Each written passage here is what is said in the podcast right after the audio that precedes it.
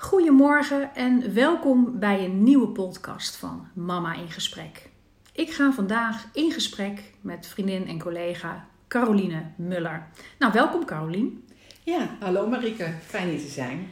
Um, ik heb jou uitgenodigd. Wij kennen elkaar eigenlijk al een heel aantal jaren. En ik vond het uh, interessant en leuk om jou uit te nodigen uh, om vandaag stil te staan bij het onderwerp, bij het thema rouw en verlies. En rouw en verlies is, um, nou, is eigenlijk iets, een onderwerp waar jij al jaren in, uh, in werkt. En um, ik wil graag vandaag met jou um, uh, daarover in gesprek, omdat het een thema is uh, die denk ik heel veel mensen raakt, heel veel mensen ook meemaken. En rouw en verlies is natuurlijk heel breed. Maar als eerste wil ik vragen of jij even jezelf kan voorstellen en, en nou ja, wie ben je, wat doe je, nou, dat soort vragen. Ja, helemaal prima. Nou, zoals je al zei, Caroline Muller, ik werk in Deventer. Ik heb twee praktijken, één voor kinderen en jongeren, die geraakt zijn door ingrijpende levensgebeurtenissen, maar ook bij van aandacht. En dat is meer de volwassenen en de gezinnen en via de werkgever. Ik ben van huis uit fysiotherapeut, veel in de vrouwengezondheidszorg gewerkt. Ben nu al jarenlang coach voor jongeren en volwassenen. Okay. Met als specialisatie rouw- en verliesbegeleiding, zoals je al zei. Ja. En um, je bent kinderen, kinderen en jongeren coach, hè? Um, en, en hoe ben je op een gegeven moment uh, zeg maar gekomen om, om veel meer te doen met, met nou, kinderen in echtscheiding, kinderen met, uh, met rouw? Hoe, hoe is dat zo op je pad gekomen? Um, ik merkte in mijn praktijk dat er steeds meer mensen kwamen met vragen op het gebied van rouw en verlies. En zoals je al zei, het is natuurlijk heel breed. Dus iedereen denkt het vooral verlies van een dierbare. Maar verlies van gezondheid is een hele bekende. Uh, verlies van relaties, scheiding waar je het over had. Maar voor een kind kan ook een verhuizing ook een enorm verlies betekenen. Of een vriendje of vriendinnetje die naar een ander land gaat. Mm-hmm. Um, verlies van uh, een school, van de ene school naar de andere. Dus verlies is een breed thema. Ja, breed thema. Nou, ik, ik, wij zijn collega's, dus ik werk uh, zelf natuurlijk ook al heel lang met kinderen en jongeren. En um, ik merk ook dat er steeds meer kinderen in mijn praktijk komen die te maken hebben met, uh, met echtscheiding. Um, merk jij een verschil uh, tussen zeg maar, hoe een scheiding verloopt? De, de bekende vechtscheiding horen we ook heel veel.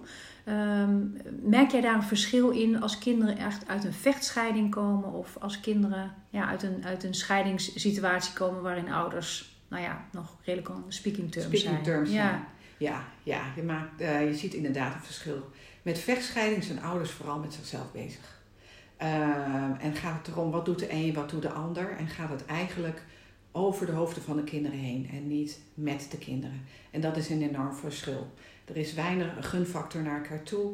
Uh, kinderen worden soms gebruikt om boodschappen door te geven, uh, uh, maar ook om een vrevel of hun pijn via de kinderen te verwoorden. Um, wat ik zie bij scheidingen waarbij de ouders on speaking terms zijn, dan is het wel heel fijn, want dan heb ik het met hun over wat is het beste voor jullie kinderen. He, je bent ex-partner, maar geen ex-ouder. Mm-hmm. En in mijn praktijk geef ik dat altijd aan. Is dat het stuk wat ik voor de kinderen kan doen? Wat kun je als ouder betekenen in een scheiding voor je kinderen? En wat kun je afspreken? En waardoor kunnen kinderen toch verder? Mm-hmm. En als jij een advies zou mogen geven aan ouders die, uh, nou ja, die uit elkaar gaan, hè, die toch besluiten om, uh, om niet meer als partners door het leven te gaan. Um, welk advies zou je willen geven aan, aan ouders die dus nu uh, op zo'n punt staan om, om um, nou ja, wel in contact te blijven met, met het kind of om het op zo'n harmonieuze wijze te laten verlopen? Wat, wat kunnen ouders dan? Nou, je zou bijvoorbeeld je kunnen informeren Um, er zijn ook meerdere sites waar je op terecht kan, zoals Filipinedo is er eentje van. Um, en met elkaar we over gaan hebben, oké, okay, we gaan als partners uit elkaar. Hoe gaan we afspraken maken voor de kinderen, met de kinderen, naar ze luisteren. Uh, en um, je pijn en je, je, afscheid van het huwelijk uh, los van elkaar zien. Dat is wel heel erg belangrijk. Even parkeren. Even parkeren. Ja. Uh, gun ook elkaar om ouder te mogen blijven zijn. Dat zie ik ook wel eens in de praktijk. Dat er zoveel geruzie is dat men eigenlijk niet gunt dat die ander ook gewoon ouder van het kind is. Ja. Waardoor het kind ehm, de neiging krijgt om te moeten kiezen, wat natuurlijk niet kan. Ja. Want dat blijven je ouders.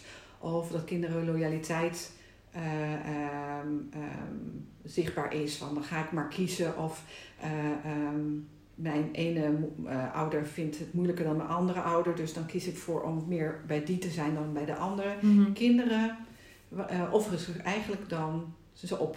Mhm. Om maar proberen de ouders weer ouders te laten eh, kunnen zijn. Ja. Waardoor de kinderen weer kind kunnen zijn. Ja. En soms merk je gewoon ook in mijn praktijk dat de kinderen zo'n rol gaan aannemen dat ze voor hun ouders gaan zorgen. En iedereen die een beetje het systemische stuk kent, die weet dat dat niet de plek van de kinderen is. Mhm. Dat het kind weer het kind mag zijn. ja. En je mag daar als ouder ook hulp in vragen, toch? Absoluut, Ja. want het is absoluut niet makkelijk. Nee. Ehm, je gaat niet voor niks scheiden, dus er is pijn, er, is, eh, er zijn genoeg dingen die er gebeurd zijn. Maar probeer echt het kind voorop te stellen, wat is goed voor onze kinderen.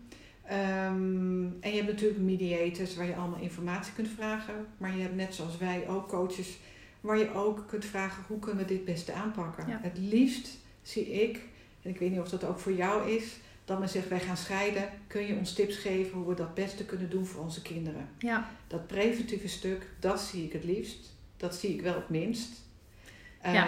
Ehm, en wat ik vaak zie, en zeker als de vechtscheiding is, dat er al zoveel gebeurd is en dan wordt het heel lastig om weer oog te krijgen voor het kind. Ja, nou ja, en ik vind het ook wel belangrijk dat ouders ehm, op het moment dat er ge- hulp gezocht wordt voor, door een, voor, een, om een coach in het leven te roepen om het kind zeg maar, te, te begeleiden in de scheiding, ehm, merk ik dat ik het ook wel prettig vind om ouders allebei te spreken. Ja. Om in ieder geval eh, het, het blijven de ouders samen van het kind. En ehm, dat je in ieder geval hetzelfde doel voor ogen hebt. Dat je, dat je kind zo ja, in, in hoeverre het kan, zo prettig mogelijk door deze periode heen wordt geholpen, maar dat, dat ouders de neus dezelfde kant op hebben. Helemaal mee Ja. eens. Kijk, ehm, als coach hebben we natuurlijk ook toestemming van beide ouders nodig Ja. als we het kind coachen. Dat Ja. is gewoon eh, een, een regel, een wet.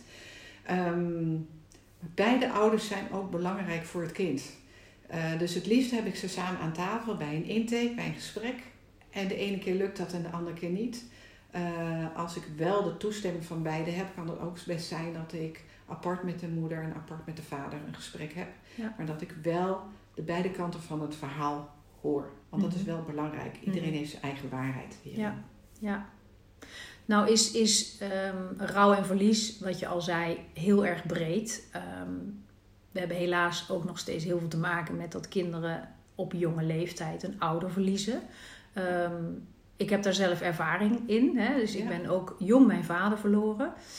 En toen merkte ik dat daar ehm, ehm, eigenlijk weinig zeg maar coaches in mijn tijd toen ik jong was, eh, was er niet een kindercoach die mij zeg maar kon begeleiden door deze periode heen. Nu, als ik nu ik volwassen ben en terugkijk, denk ik, oh, dat, dat had mij denk ik heel veel eh, geholpen in die tijd. Als jij nu kijkt in jouw praktijk, waarin je toch best wel veel kinderen ontmoet die een ouder hebben verloren, ehm, wat kan je voor ze betekenen? Ehm, allereerst dat ze hun verhaal mogen vertellen. Dat er geluisterd wordt. Ehm, het is ook de laatste tijd dat er steeds meer bekend wordt over kinderen en rouw. Ehm, kinderen voelen zich vaak ook niet begrepen omdat zij in een andere dynamiek van rouw zitten. Ze rouwen in stukjes en anders dan volwassenen en voelen dan ook eh, zich soms ook heel alleen daarin staan. Omdat volwassenen vanuit hun eigen manier van rouwverwerking kijken naar het kind, maar het kind eigenlijk op een andere manier erin staat. Ehm, en dat is soms, krijg je dat het contact dan eh, eh, moeilijker wordt. Dus wat ik vooral doe is luisteren. En nog eens luisteren en nog eens luisteren. Zodat ze hun verhaal kunnen vertellen.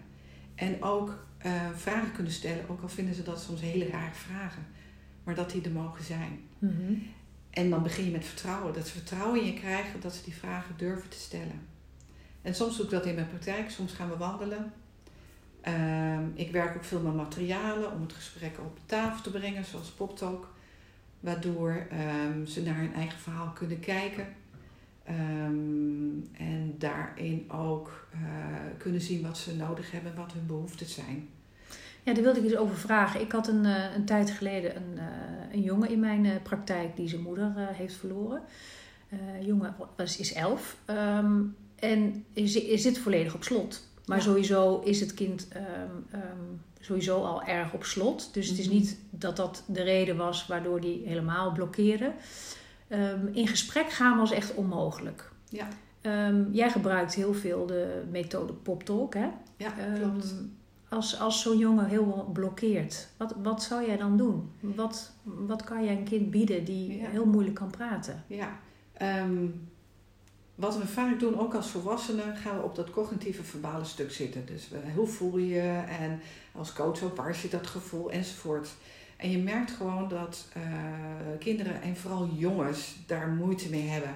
Sowieso over emoties praten is het lastigste wat is, ook voor ons als Ik weet volwassenen. het niet, zegt hij. Ik heb geen idee. Ik nee, voel niks. precies, eh, precies. Gaat goed. En dan Ja. moet je ook niet op dat stuk gaan zitten, want dan voelt zijn kind zich steeds minder begrepen en trekt zich steeds meer terug.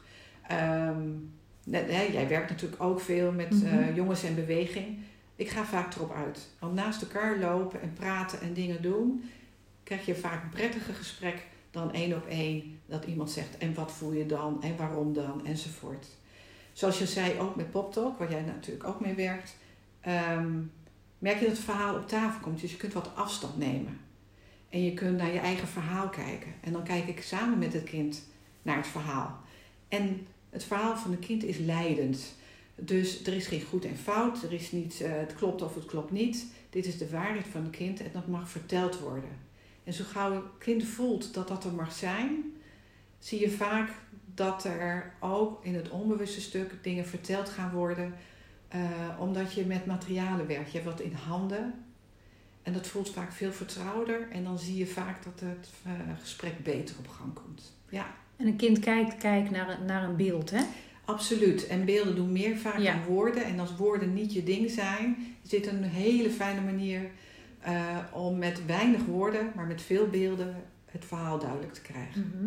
Ik had bijvoorbeeld ook een meisje die heel veel rouw- en verlieservaringen had. De ouders eh, waren gescheiden, hadden ook weer nieuwe relaties, maar ook haar lievelingsoma was overleden. En er kwamen nog een paar dingen bij. En dat was zo'n groot verhaal, dat ik samen met haar het verhaal, al die poppetjes en wie wat waar bij hoorde en wat er gebeurde. eh, en wie helaas ook overleden was, zichtbaar was. Zodat eh, ze het verhaal aan de hand van die poppetjes neer kon zetten. En zij ook een overzicht kreeg wat er allemaal gebeurd was. En daardoor kon ik ook met haar kijken van welk stukje heb je behoefte aan om over te hebben. Want rouw en verlies ehm, is meer begeleiding dan coaching. Van nou, we gaan oplossingsgericht werken. Het is meer stapsgewijs kijken waar ik behoefte aan. Wat is er nodig? Wat mag nog een keer verteld worden? Of nog een keer verteld worden? Ehm, en vaak zie ik bij kinderen ook dat de een direct met het grootste verlies begint, omdat dat zo eh, eh, aanwezig is. En sommige kinderen pakken een klein stukje, omdat ze het zo spannend vinden. En dat kan allemaal dan. Ja, wat ik wel grappig vind, vond om te merken is dat er een meisje in, eh, in mijn praktijk was die, die het heel graag wilde hebben over alle nieuwe broertjes en zusjes die er ineens allemaal bij kwamen. Ja. En dat dat vooral een heel groot ding was. Dat, eh, dat er een meisje bij kwam die even oud was als zij en dat dat maar he- irritant was. En dat was op dat moment het grootste ding in haar leven. Hè? Ja. Terwijl haar ouders zoiets hadden van ja, maar ze moet echt praten over die scheiding. Ja. Zeg, maar op dit moment is, is eh, een nieuw zusje of een broertje ehm, een groter impact. Ja. Eh, dus, dus laten we hier eh, ruimte voor geven. Maar dat herken je denk ik wel. Dat herken ik Ja. zeker. En luisteren is zo belangrijk en niet het invullen van. En soms hebben de ouders een hulpvraag, eh, maar dat hoeft niet dezelfde hulpvraag te zijn als wat het kind heeft. Dus ik hoor de ouders aan, maar ik hoor ook vooral het kind aan, want die kan misschien wel op een ander stukje zitten waar die meer behoefte aan heeft. Ja. En voor mij is dat dan leidend. Ja. Ehm, nou krijg ik vaker de, de vraag ook, en jij ongetwijfeld ook, ehm, ehm, vanuit basisscholen, maar ook vanuit mid- middelbare scholen, maar met name basisscholen, eh, met de vraag van hoe gaan wij om met een, met een verlieservaring? Nou was ik een, eh, een tijdje geleden in een, in een klas op een basisschool waarin er heel veel verlieservaringen waren. Ehm, een ziek kind, een, een, een, overlijden van een ouder, ehm, een overlijden van een oma. En eigenlijk in een hele korte periode. Ehm, ik ben daar toen gaan voorlezen vanuit mijn eigen kindermeditatieboek. Om, om uh, dingen ook voor kinderen een plekje te geven. Omdat ik merkte dat de kinderen in die klas ook onderling daar last van hadden. Hè? Vriendjes, vriendinnetjes die ingrijpende dingen meemaakten. Ehm, en ik merkte dat, dat uh, nou, door dit soort verhalen, dat ze dichter bij zichzelf kwamen. En wat voel ik nou eigenlijk en wat wil ik nou eigenlijk? Maar wat kan je nou... Weet je, een leerkracht heeft natuurlijk niet uh, op de PABO alle tools gehad om, om met allerlei onderwerpen uh, zeg maar om te gaan die je, die je in het leven meemaakt. Um, ze krijgen veel op hun bordje. Wat voor advies kan jij geven uh, aan leerkrachten om om te gaan met, met dit stuk als dat gebeurt in je klas? Ja, ja ik krijg deze vraag ook vaak. Um, wat ik wel merk is dat uh, scholen openstaan voor advies, want je kunt niet alles. Ik ben geen leerkracht en zij zijn geen rouw- verliesbegeleider. Uh, en, maar je kunt elkaar enorm helpen daarin. Zo werd ik laatst voor, door een leerkracht gebeld en die zei van ja, ik heb inderdaad drie, vier verlieservaringen in mijn groep. Het haakte ook aan een eigen verlieservaring. Dus het pakte ook een stukje van haarzelf mee in de emotie. En we hebben samen besproken hoe kun je dat in de klas bespreekbaar maken. Wat zou je kunnen doen, wat zou je ook niet kunnen doen. Uh, een stukje zelfzorg voor haar, wat heel erg belangrijk was. Want dat neem je ook mee als je het over hebt over energie in zo'n klas. Uh, en dat gaf al heel veel rust. Dus vaak geef ik praktische handvatten, wat heel prettig is. Ik heb ook heel veel materiaal in mijn praktijk, naast boeken ook andere materialen. En alleen al erover te hebben en wat kun je doen en welke ruimte kun je je lessen daarvoor geven. Want als er zoveel emotie is en zoveel gebeurtenissen in de klas, is het heel erg belangrijk om daar aandacht aan te geven. Omdat um, um, dat nodig is om dan verder de andere lessen wel weer te kunnen vervolgen. Um, ik merk soms ook dat een school zegt, we willen gewoon wat meer weten over dit thema. Mm En dat vind ik ook fijn, want je kunt beter voorbereid zijn dan achteraf denken: help, wat nu? Um, en dan kun je bijvoorbeeld workshops of trainingen volgen. Wat is kinderen en rouw? Met, met een team bijvoorbeeld? Met een team, ja. absoluut. Ja. En dat is uh, gewoon heel prettig, omdat je als team ook elkaar kunt steunen. De een heeft er wat meer affiniteit mee dan de andere. En dat is ook helemaal oké. Okay. Ja. Uh, maar je kunt bijvoorbeeld ook prachtige lessen over uh, troost doen. Over, over uh, verlies in het algemeen. Um, hè, kinderen hebben vaak een eerste verlieservaring, kan een huisdier zijn. Ja. Hè, en dat is voor een kind enorm veel impact. Maar als leerkracht is het ook fijn te weten dat op bepaalde leeftijd men nog helemaal geen doodsbesef heeft. Hè, wat is dood en wat is levend? En dat is wel heel fijn te weten in de ontwikkeling van een kind. Van wat weet het kind eigenlijk? Kan je ze dan ook meenemen, stel dat, dat een team wordt getraind, kan je ze ook meenemen in leeftijdscategorieën. Want in, in groep 1 beleef je de dingen weer anders dan in groep 8. Ja. Um, daar wordt ook aandacht aan besteed van wat kan je echt met kleuters doen of wat kan je doen met, met oudere kinderen. Ja, ja. heel erg belangrijk. Kijk, als je uh, op de weet, uh, weet wat kinderen en rouw is, dat ze op een andere manier rouwen. Uh, en ook weet over hun ontwikkelingspsychologie, wat ze eigenlijk al aankunnen of niet aankunnen. Of wat ze begrijpen. Hè. Het begrip is het levensbegrip. Het doodsbesef is heel erg belangrijk. Um, dan kun je ook kijken van wat kan er in die groep met die leeftijd gedaan worden. En dat kan op jonge leeftijd al. En wat ik jou hoor zeggen, en dat, ik denk dat dat wel heel belangrijk is, is maak het bespreekbaar. Absoluut. Want ik, wat ik merk is, is, er is nog steeds heel veel angst rondom het thema dood. Ja. Um, en op het moment dat wij natuurlijk heel erg in die angst gaan zitten of het uh, niet bespreekbaar maken of wegstoppen, dan wordt het voor kinderen ook iets ongrijpbaars. Hè? En iets van, oh, dat, dat mag, daar mogen we niet aankomen. Maar ik denk dat het heel goed is om ook gewoon kinderen al jong te leren dat de rouw erbij hoort. En dat het ja. er mag zijn. En dat het ook benoemd wordt. Hè? Dus niet dat je denkt, oh god, die vader is overleden, laten ja. we maar niks zeggen. Maar hé, hey, laten we het gewoon bespreekbaar maken. Ja, ja. ja het hoort bij het leven. Ja, precies. Ja, de, uh, geboorte en de dood hoort gewoon met leven. Ja. Uh, en um, meestal is de angst van de volwassene groter voor de dood dan voor een kind. Een kind ja. uh, bekijkt het vaak ook heel praktisch. Hè? Soms is een leeftijd willen ze vooral weten waarom dingen zijn. Um, en zijn ze nieuwsgierig daarna, omdat het nieuw is. Ehm, en als ouder kun je in de opvoeding daar al best wat doen. Kijk, als er een, een huisdier overleden is, of toch misschien uh, een, ja, een dierbare, wat betreft een opa of oma, dat je het onderwerp bespreekbaar maakt. Er zijn prachtige boeken. er worden momenteel steeds meer boeken daarover geschreven, dus dat kun je hmm. meenemen in het verhaal, maar heb het erover. En als je het heel lastig vindt of het raakt aan je eigen vlies, ehm, vraag hulp. Ja, precies. dat, ja. Je hoeft ook niet direct een coaching in, maar je mag ook gewoon vragen van hoe doe ik dat? Ja. Ik heb ook een poosje geleden een buurvrouw gehad die zegt, ja, mijn buurvrouw uh, uh, heeft haar man verloren, maar onze kinderen spelen met elkaar. Hoe ga ik dit doen? Mhm. En toen heb ik haar wat tips kunnen geven en zo kon ze verder. Dat is ook erg belangrijk. Ja. dus je kan op een hele laagdrempelige manier ja, en het is goed om te weten, kinderen rouwen in stukjes. Dus dat vind ik een hele mooie. En dat is denk ik goed om te weten dat, dat dat echt anders is dan hoe wij rouwen. Ja, je, Dus kinderen kunnen echt eh, daarna ook weer heel, helemaal heerlijk op die trampoline springen. Uh, terwijl er net een ouder is overleden. Dus die, die, die beleven dat anders. Dus die beleven dat anders. Ja. En ehm, kijk, uh, je hebt kinderen van een lagere school, maar op de middelbare school hebben ze natuurlijk wel rouw en verlies en doodbesef, wat wij als volwassenen hebben. Ja. Ik had toevallig een meisje van 13, die zat op de middelbare school en haar vader was overleden. En op de middelbare school heb je voor elk vak een andere docent. Ja. En die docenten waren ontzettend aardig, die, maar die vroegen elke keer: hoe gaat het met je? Dus elk uur kreeg ze die vraag. Maar als 13, 14-jarige wil je niet anders zijn dan anderen. En wil je meedoen met de rest. Um, en ze zei tegen mij, Caroline, ik werd zo boos. Dus als nog één iemand het zei, dan ga ik gewoon de klas uit. En dan zie je, als je daar wat meer inzicht in hebt, kun je uh, uh, er meer voor zo'n kind zijn. Terwijl het uit liefde elke keer gevraagd werd.